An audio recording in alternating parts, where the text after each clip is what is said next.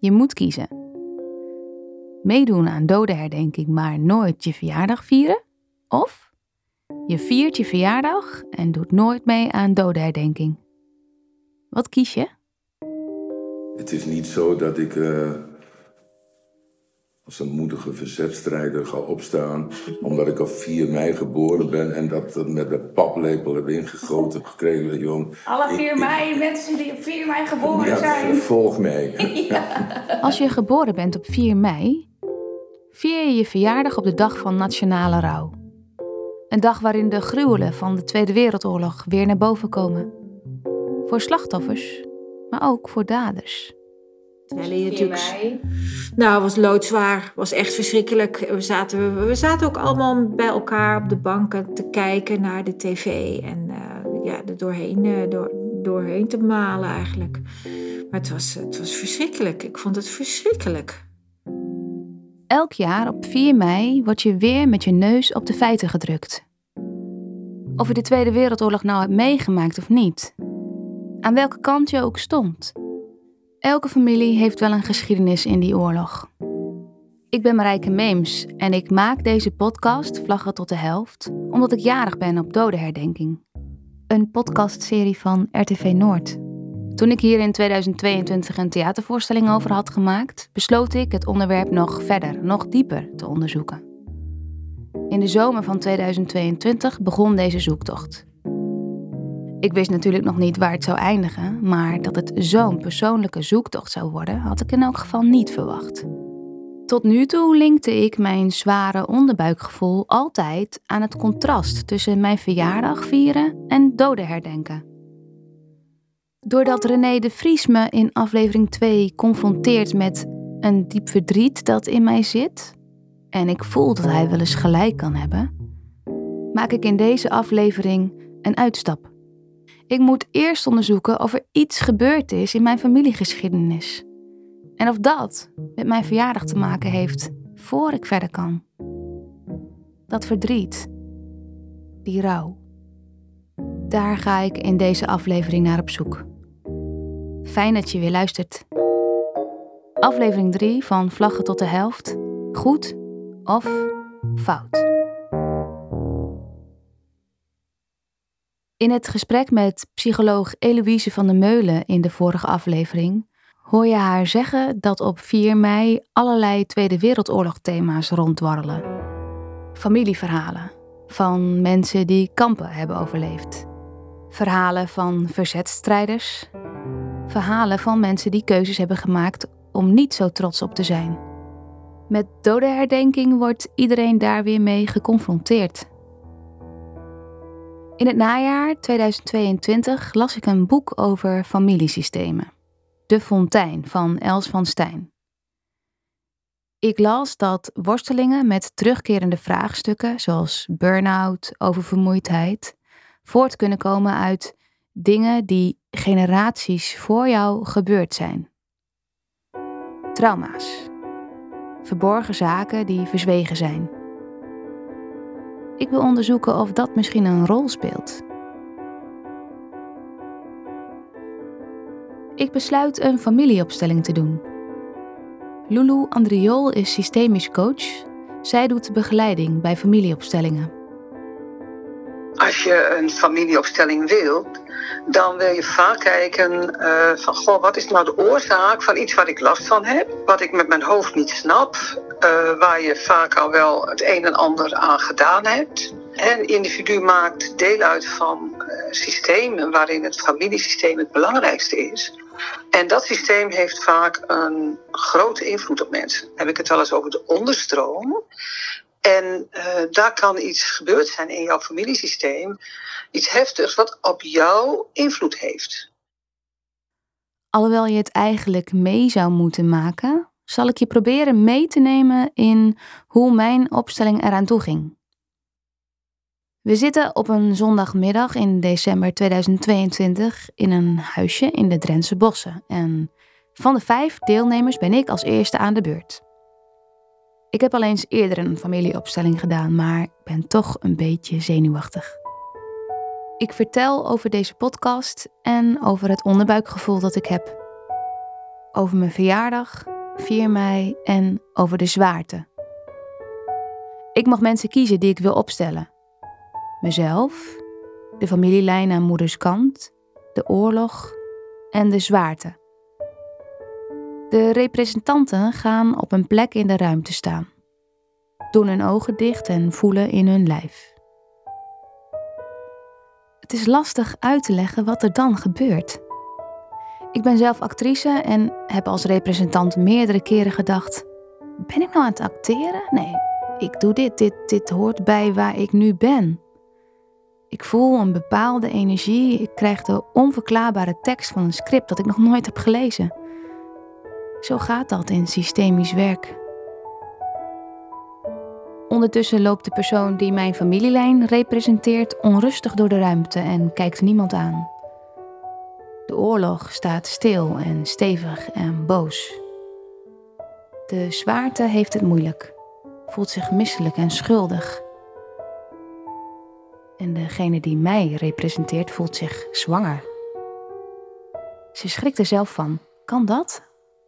Ze vraagt dat. Het kan toch niet? Lulu stelt haar gerust. Dit kan.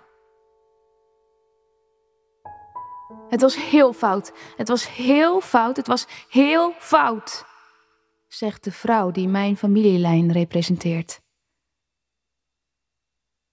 De vrouw die mijn zwaarte representeert ligt op de grond. Ineengezakt van verdriet en schuld en spijt.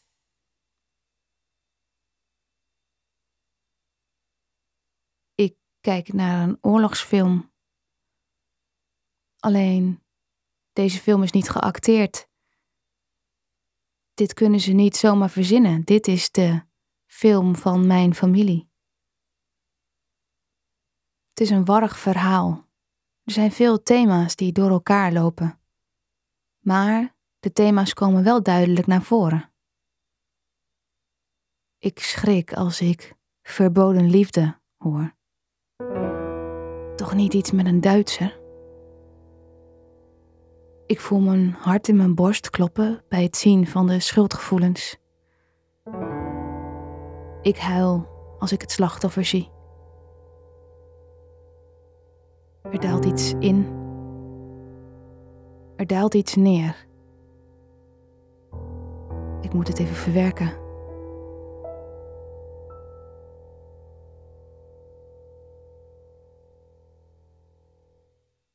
Een paar dagen na de familieopstelling is mijn vader op bezoek. Hij blijft eten. Vlak voordat hij naar huis wil, vraag ik hem of hij nog iets weet uit de oorlog van mijn oma aan moeders kant. Bijna nonchalant zegt hij: Ze heeft in het schooltehuis gewerkt. Mijn maag keert zich om. Ik heb over het schooltehuis gelezen. Het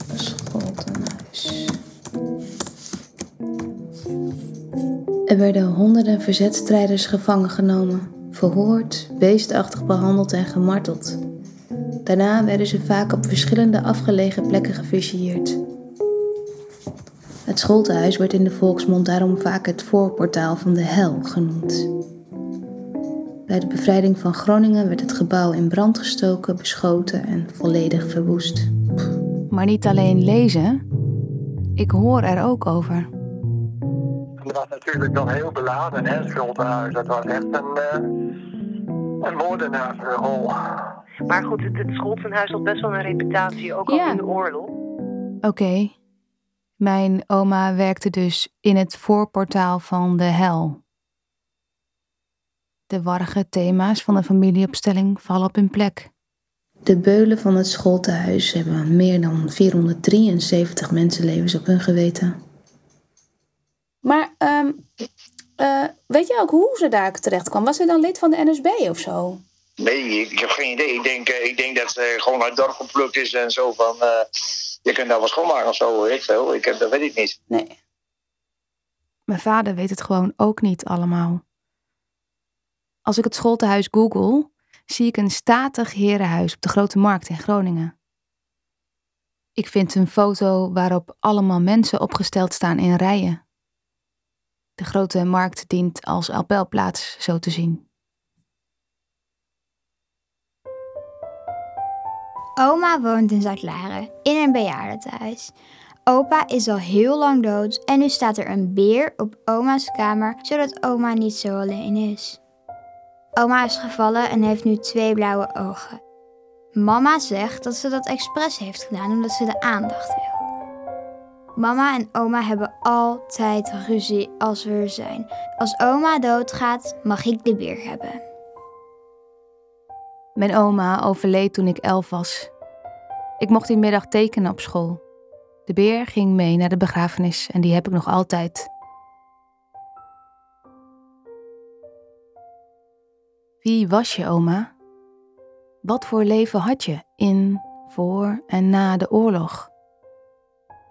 Hoe heb je de verhalen, de belevenissen geprobeerd te verstoppen?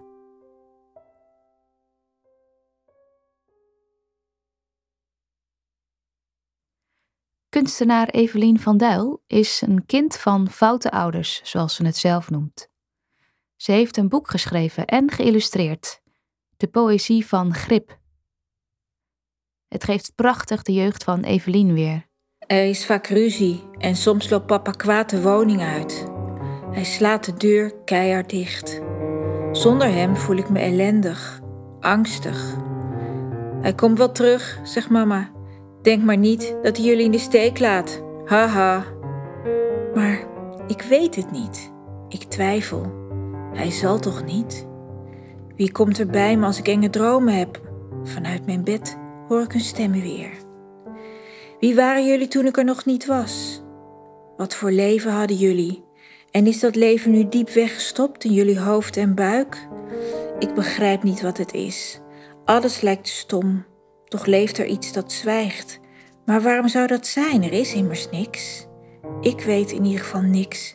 En jullie zeggen ook niks. De poëzie van Grip is een kruising tussen een geïllustreerde vertelling en een kunstwerk, in boekvorm. Haar opa's en oma's waren lid van de NSB. En haar opa zelfs een hoge pief daar. Ja, die mensen, ja, zoals, ik denk, die mensen die uit de oorlog kwamen, voor een deel waren die zo, hadden die zoveel meegemaakt en zoveel gezien en gehoord. En, en dat je, dat, ze waren echt hartstikke knots. Mijn moeder was ook hartstikke knots, die had in een ziekenhuis gewerkt. Ik ontmoet Evelien bij de yoga. Ik vertel over mijn theatervoorstelling en zij vertelt over het boek dat ze maakt. Haar verhaal intrigeert me meteen. Als Evelien praat over haar knotsgekke moeder die altijd ruzie zocht en geen veilig thuis kon bieden, voel ik een herkenning. Bij mij thuis was het ook zo. Maar wat doet dat met je? Kind zijn van foute ouders? Maar toen vond mijn zus een album met mijn vader in een, in een SS-uniform. En dan, ja, dan word je meteen helemaal, raak je in paniek.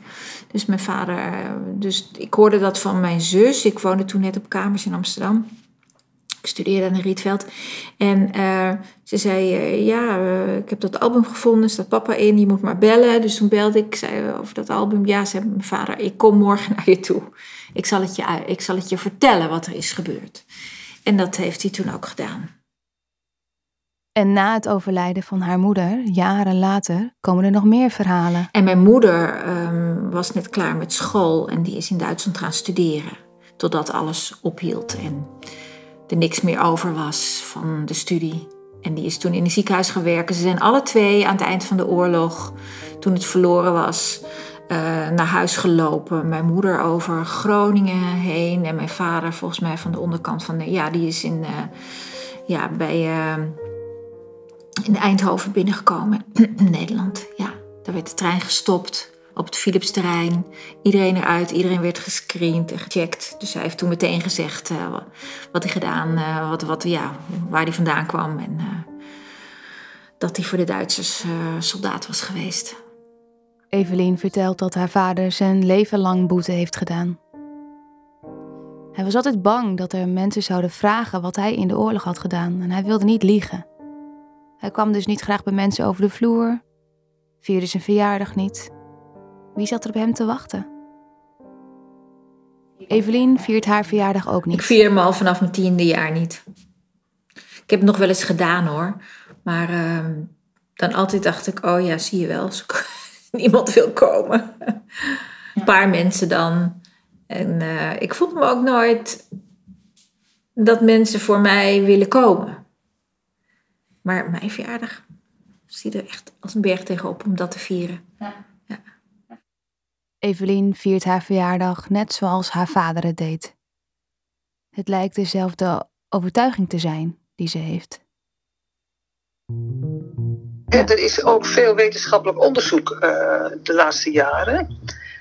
En die hebben bewijzen gevonden dat zeg maar, trauma's uh, van de ene op de andere generatie doorgegeven wordt. En dat dat een chemische reactie kan veroorzaken in onze cellen. Lulu wijst me hierop en ik zoek naar iemand die daar iets meer over kan weten. Psychiater Marco Box. Hij is gespecialiseerd in de epigenetica, de omkeerbare erfelijke verandering in de genfunctie. Ik vraag me af hoe dat zit met dat DNA, dat gen, die cellen. Dat trauma overerft, dat staat als een paal boven water dat is eigenlijk gewoon heel erg uh, duidelijk. Is op, ja, op zich ook helemaal niet verrassend als je daarover over nadenkt. Maar die manieren waarop dat van generatie op generatie overgaat, of daar ook een genetische manier voor is, dat is ja, onduidelijk. Een trauma kan cellen wijzigen en dus inprenten in het DNA. Het is onderzocht bij militairen die werden uitgezonden naar Afghanistan. Het bloed werd onderzocht voor de uitzending naar oorlogsgebied. En bij terugkomst en posttraumatisch stress werd het bloed weer onderzocht. En er werd een DNA-wijziging gevonden. En er werd gevonden dat door psychotherapie en traumatherapie dat DNA weer kan worden teruggedraaid. Maar of het trauma doorgegeven wordt net zoals blauwe ogen en blond haar, dat is nog niet bekend. Ik voel de oorlogsfilm van mijn familieopstelling nog nasidderen. De foute kant. Misbruik. Ik heb het geërfd.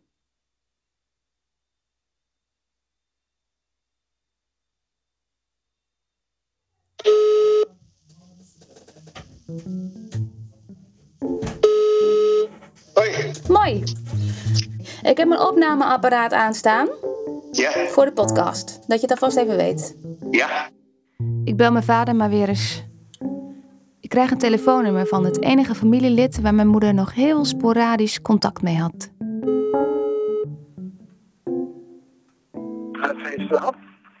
Hallo, ik spreek met uh, Marijke Meems. Spreek ik, spreek ik met Otto? Ja. Otto is een aangetrouwde neef van mijn moeder. Een jaar of tien ouder en kwam bij mijn oma over de vloer. Die twee, dat, dat lag elkaar niet. Nee. Dus er was niet veel band tussen. Dus vandaar dat ik er ook heel weinig van weet. Ja, nee, dat begrijp ik, ja. Die twee die elkaar niet lagen, dat waren mijn oma en haar schoonzus. Ja. En uh, Jannie was een beetje, ook een beetje een buitenbeentje wat dat betreft. Dus ook geen wonder met zijn moeder. Wat voor moeder bedoelt Otto? Een moeder die net zoals de moeder van Evelien knots uit de oorlog kwam? Via Groninger Archieven kom ik in contact met het Oorlog- en Verzetcentrum Groningen. Zij doen onderzoek naar het schooltehuis en willen zoveel mogelijk weten van nazaten. Maar ik wil ook dingen van hen weten. Ik weet juist niks over mijn oma.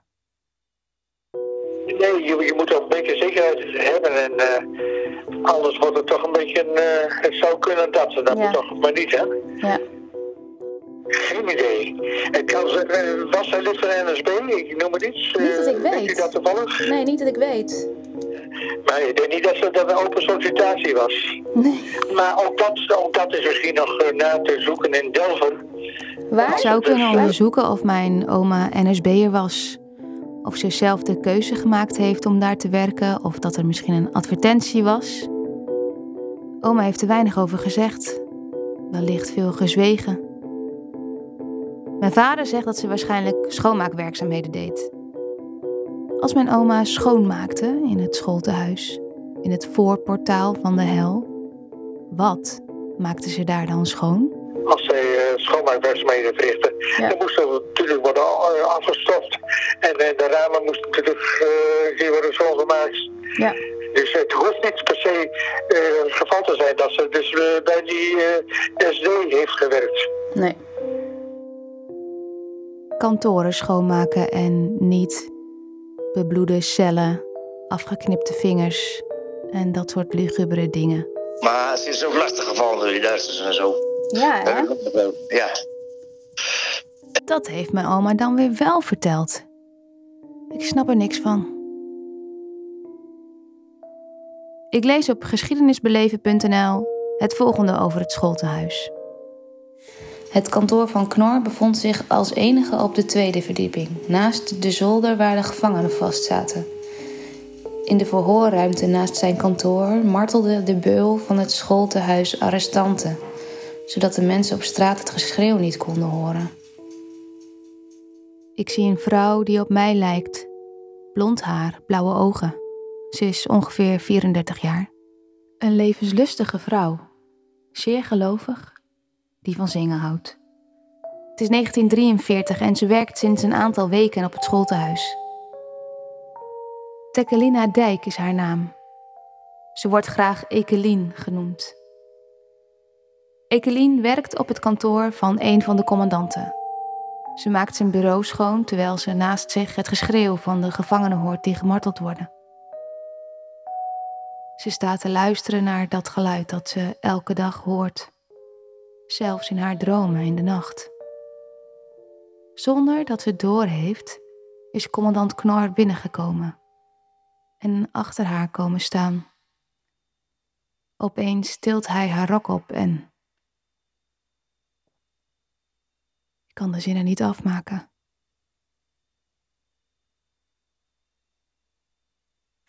Mijn oma schijnt een ontzettend beschermende moeder te zijn geweest.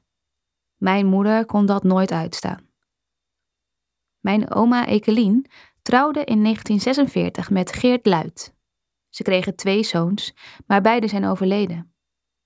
In 1950 werd er een meisje geboren, Jannie. Ze bleef leven.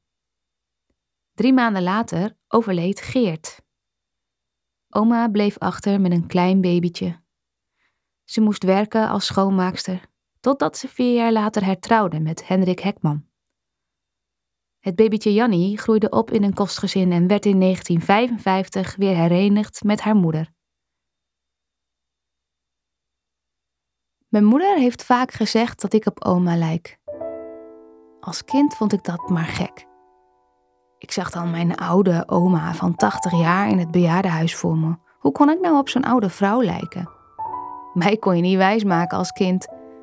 Maar nu ik zelf moeder ben en zie hoe Teuntje op mij en mijn moeder lijkt, kan ik het niet meer ontkennen. We geven degene goed aan elkaar door. Teuntje lijkt op Jannie. Ze is een sensitief meisje die de wereld om zich heen observeert. Ik zie Jannie voor me, van vijf jaar. Een gevoelig meisje die haar moeder heeft gemist. En nu een moeder heeft die getraumatiseerd is door oorlog, geweld en verdriet.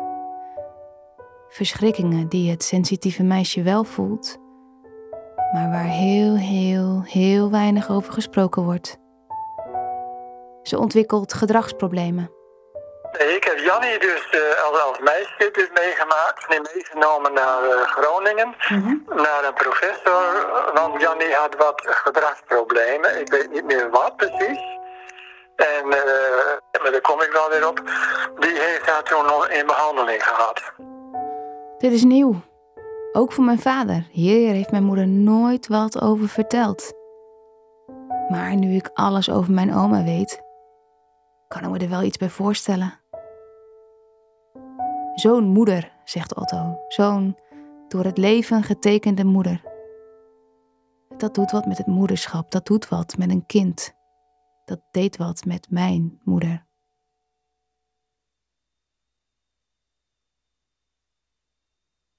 Ik vraag me af of het me rust gaat brengen als ik weet hoe oma Ekelien in het schooltehuis aan het werk kwam. Ik vraag het aan psycholoog Eloïse. Ik denk altijd wel dat hoe meer je weet over zo'n versluierd verleden, hoe meer je daarin van te weten komt, eh, hoe beter het is. Uh, ja, ik vergelijk het altijd met het lopen door een donker bos. Als je daar allerlei geluiden hoort, dan uh, is dat buitengewoon angstaanjagend. als je ziet dat nou ja, dat er een, uh, weet ik het, een vos uh, bezig is om, zijn voedsel te zoeken, dan uh, is dat toch alweer een heel ander verhaal. Want dat is dan gewoon één vos en, en niet duizend demonen die daar rond. Hè? Je fantasie is altijd groter dan de werkelijkheid. En de werkelijkheid is uiteindelijk dan toch beter mee te dealen dan alles wat je in je fantasie allemaal bedenkt. Mijn fantasie draait momenteel over uren. Ik bedenk allemaal scènes wat er met mijn oma gebeurd kan zijn. Op internet zoek ik naar mijn oma en ik vind broers en zussen. En opeens weet ik weer dat mijn moeder het ooit over ene oom Simon heeft gehad. En mijn vader vertelt dat daar dikke ruzie mee was. Geen contact dus. Ruzie waarover? Oorlog waarschijnlijk. Ja. Grote kans. Ja, dat denk ik ook. Ik merk dat ik een soort complotdenker word. Als ik in het Nationaal Archief duik en zie dat er tussen 1945 en 1950 allerlei processen tegen foute Nederlanders waren. Misschien heeft mijn oma wel een proces gehad. Misschien moest ze wel naar de gevangenis. Ja, dan moet je wel wat gedaan hebben hoor. Ja, hè? Ja, mijn oma heeft een beetje met Volk en Vaderland uh, langs de deuren gegaan en lid geweest daarvan. Maar die heeft niet iets gedaan. Dus die werd eh, eerst in het kamp gestopt, maar eigenlijk al heel snel Ja, oké. Nou, ik denk niet dat mijn oma zo iets heeft. Ik zit weer lekker te ratelen. Ik zit bij Evelien met mijn onrustige brein. Nee, het is, het is... U hangt uw eigen verdriet hier dus aan op eigenlijk in wezen. En, en dat is... Ja, zodra u dat verdriet ontdekt heeft waar het vandaan komt bij uzelf, dan bent u dit kwijt. Ja. Daar is René weer uit de vorige aflevering. Hij zei: Nu zijn we een stuk verder. Ja, ik ben nu echt een stuk verder. Ik weet dat het diepe verdriet waar hij het over heeft, overgeërfd is. En hoe? Zoveel verdriet. Ik kan het allemaal nog geen plek geven. Het is zo vers, alles wat ik te weten gekomen ben. De trauma's van mijn oma. Iets aan de foute kant, misbruik, schuld, verdriet. Mijn moeder heeft het geërfd en ik heb het geërfd. Erft Teuntje dit dan ook gelijk? Het lijkt in het DNA te zitten en als dat zo is, maakt me dat intens verdrietig. Gelukkig stelt Marco Box me gerust. Er is een grote kans dat Teuntje van mijn moeder, van mijn oma, het trauma, gen, DNA mee heeft gekregen? Nou, uh, dat heb ik niet gezegd. Wat de rol is van epigenetica of uh, andere genetische aanpassingen in de overerving van trauma is uh, nog onderwerp van onderzoek. Genetische overerving is dus nog niet goed genoeg onderzocht. Zover is de wetenschap nog niet overerving gaat nu meer om hoe het het kind is voorgedaan, hoe er om is gegaan. Hoe de maatschappij er naar kijkt, of er een taboe op heerst. Ik wil het nog even één keer met zekerheid weten. Nee, dat is, dat, daar is geen enkele reden voor om, om dat aan te nemen. Nee. Nou, gelukkig maar. Hebben we dat vastgesteld? Ja. Het helpt me heel erg te weten dat mijn oma het zwaar had in de oorlog en daardoor mijn moeder de jaren daarna ook. Het geeft woorden aan de zwaarte. Het lucht me op. Het trauma zit diep. En even was daar een grote angst dat Teuntje dat trauma ook draagt. Maar de wetenschap is nog niet zo ver. Het is net zo gissen als het te weten komen hoe mijn oma in het schooltehuis terecht kwam. Het is Teuntjes pad en ik zal haar daarin zoveel mogelijk liefde en steun geven. dan kan ik nu eindelijk weer terug naar waar de podcast eigenlijk mee begon. Maar ja, er zijn een heel veel aantal oplossingen voor. Hè? Vertel. Eh, ja, oplossing 1. Een keuze maken. Niet meer 4 mei vieren. Oplossing 2. Niet meer je verjaardag vieren. Oplossing 3. Beide niets. In hoe ik mijn verjaardag wil Uh, vieren. oplossing 4. Uh, en de, nadenken de verjaardag uh, verzetten. En oplossing 5. over mijn familiegeschiedenis. De, de, 4 mei kun je niet verzetten. Over het diepe verdriet. Wel. Dus ik voor vijf oplossingen, dan zou ik de vierde uitkiezen, zou ik eruit kiezen. Gewoon je verjaardag verzetten, want die dag kun je verzetten. De vierde en laatste aflevering, de bevrijding, zal in het teken staan van de keuze die ik nu wil maken. Hoe ga ik liefhebben en vieren en herdenken? Want dat is wat ik wil. Vlaggen tot de helft is een podcast van RTV Noord die voortkomt uit de theatervoorstelling Last Post.